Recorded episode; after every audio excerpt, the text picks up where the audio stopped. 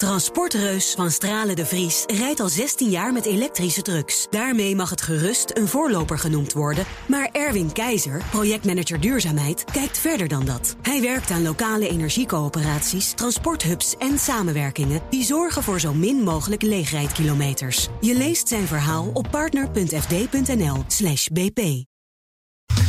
Factgoeroes. 9 uur, dit is vanmorgen. Frank Leeman is bij ons. Frank, goedemorgen.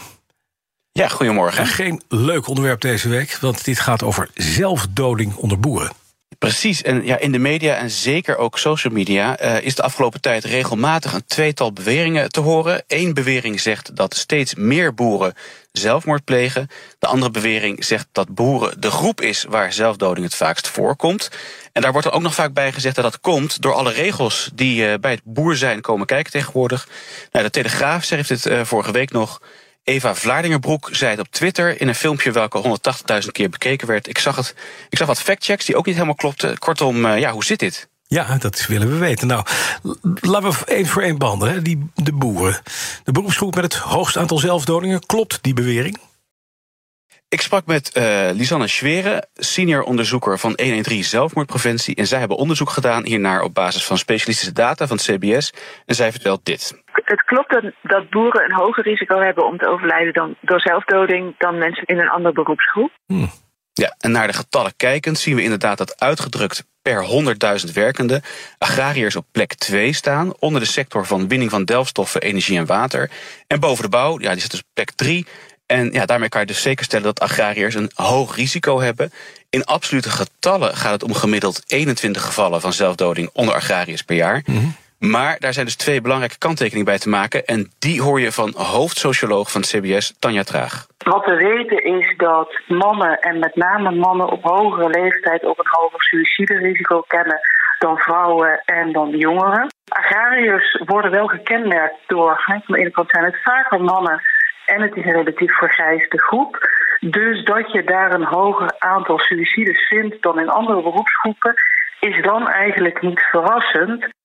Ja, kortom, mannen die al wat ouder zijn hebben een verhoogd risico op zelfdoding. En agrariërs bestaan voor 80% uit die uh, groep. Ja. En Tanja van het CBS had ter illustratie voor deze factcheck een grafiek gemaakt. waarbij het zelfdodingscijfers van agrariërs vergeleken wordt met mannen algemeen. En dan zie je dit. Ja, dan zie je eigenlijk vooral dat agrariërs geen afwijkend patroon laten zien andere woorden dat het suïcidecijfer onder agrariërs past bij het feit dat het mannen zijn en uh, ook redelijk past bij het leeftijdspatroon wat ze hebben. Op zijn minst zou je zeggen, wijken agrariërs wat dat betreft niet af van andere vergelijkbare mannen. Je ziet niet een sterk afwijkend patroon bij agrariërs. Sterker nog, als je zelfdoding onder mannen bekijkt per 100.000 bevolking en dan kijkt naar de subgroep agrariërs, dan ligt dat getal voor agrariërs relatief een stuk lager dan je zou verwachten wanneer je het vergelijkt met die cijfers voor mannen algemeen. Juist, nou, de groep ga is overwegend man, wat ouder, zeg je, belangrijk. Uh, een belangrijk deel van de oorzaak. Maar er wordt ook vaak die link gemaakt naar regelgeving en werkdruk. Hè, dat wordt ook gezegd. Zegt dat onderzoek van 1 en 3 er iets over?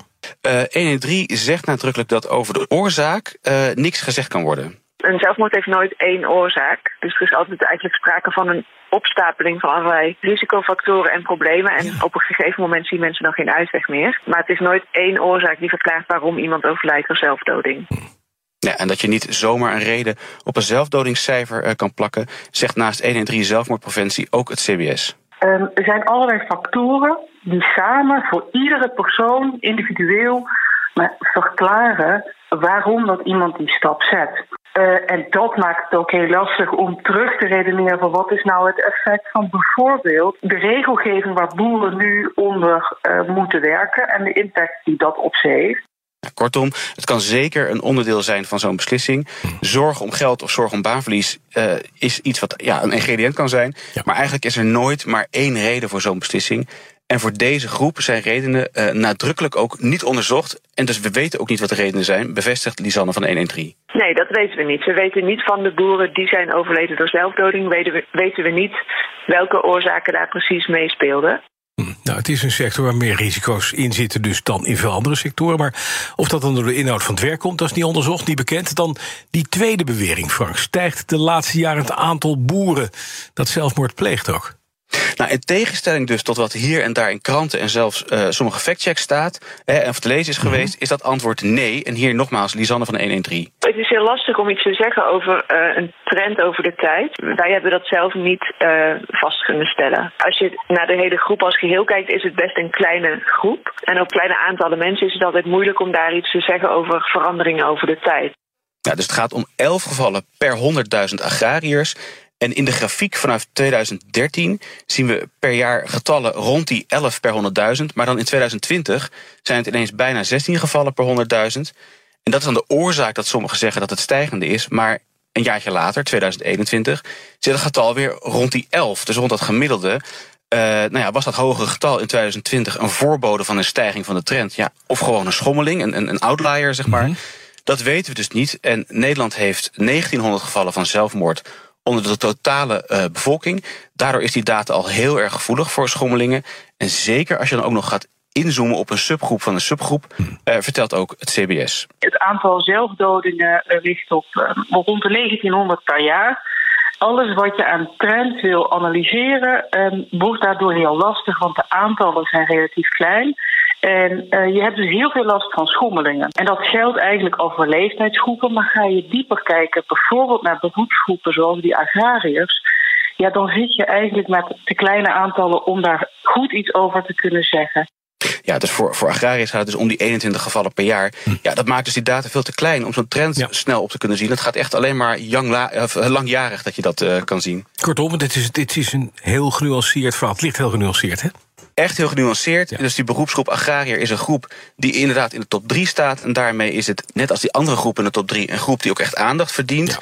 Uh, wordt voor een belangrijk deel verklaard door de samenstelling van die groep. Uh, nogmaals, het is heel erg genuanceerd. Ja. Nou, de achterliggende reden van waarom iemand zoiets besluit te doen, daarvoor is nooit maar één reden. Ja, en welke redenen deze individuen hadden of deze groep heeft, is niet onderzocht. Nee, precies. Ja, en die trendlijn, ja, het is niet duidelijk stijgend. De dataset is te klein, waardoor onderzoekers niet eens van een trend willen spreken. Hm.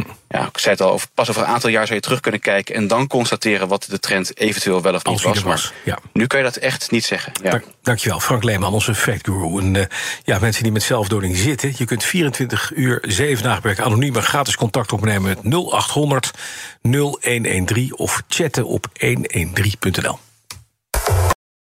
Transportreus van Stralen de Vries rijdt al 16 jaar met elektrische trucks. Daarmee mag het gerust een voorloper genoemd worden. Maar Erwin Keizer, projectmanager duurzaamheid, kijkt verder dan dat. Hij werkt aan lokale energiecoöperaties, transporthubs en samenwerkingen die zorgen voor zo min mogelijk leegrijdkilometers. Je leest zijn verhaal op partner.fd.nl/bp.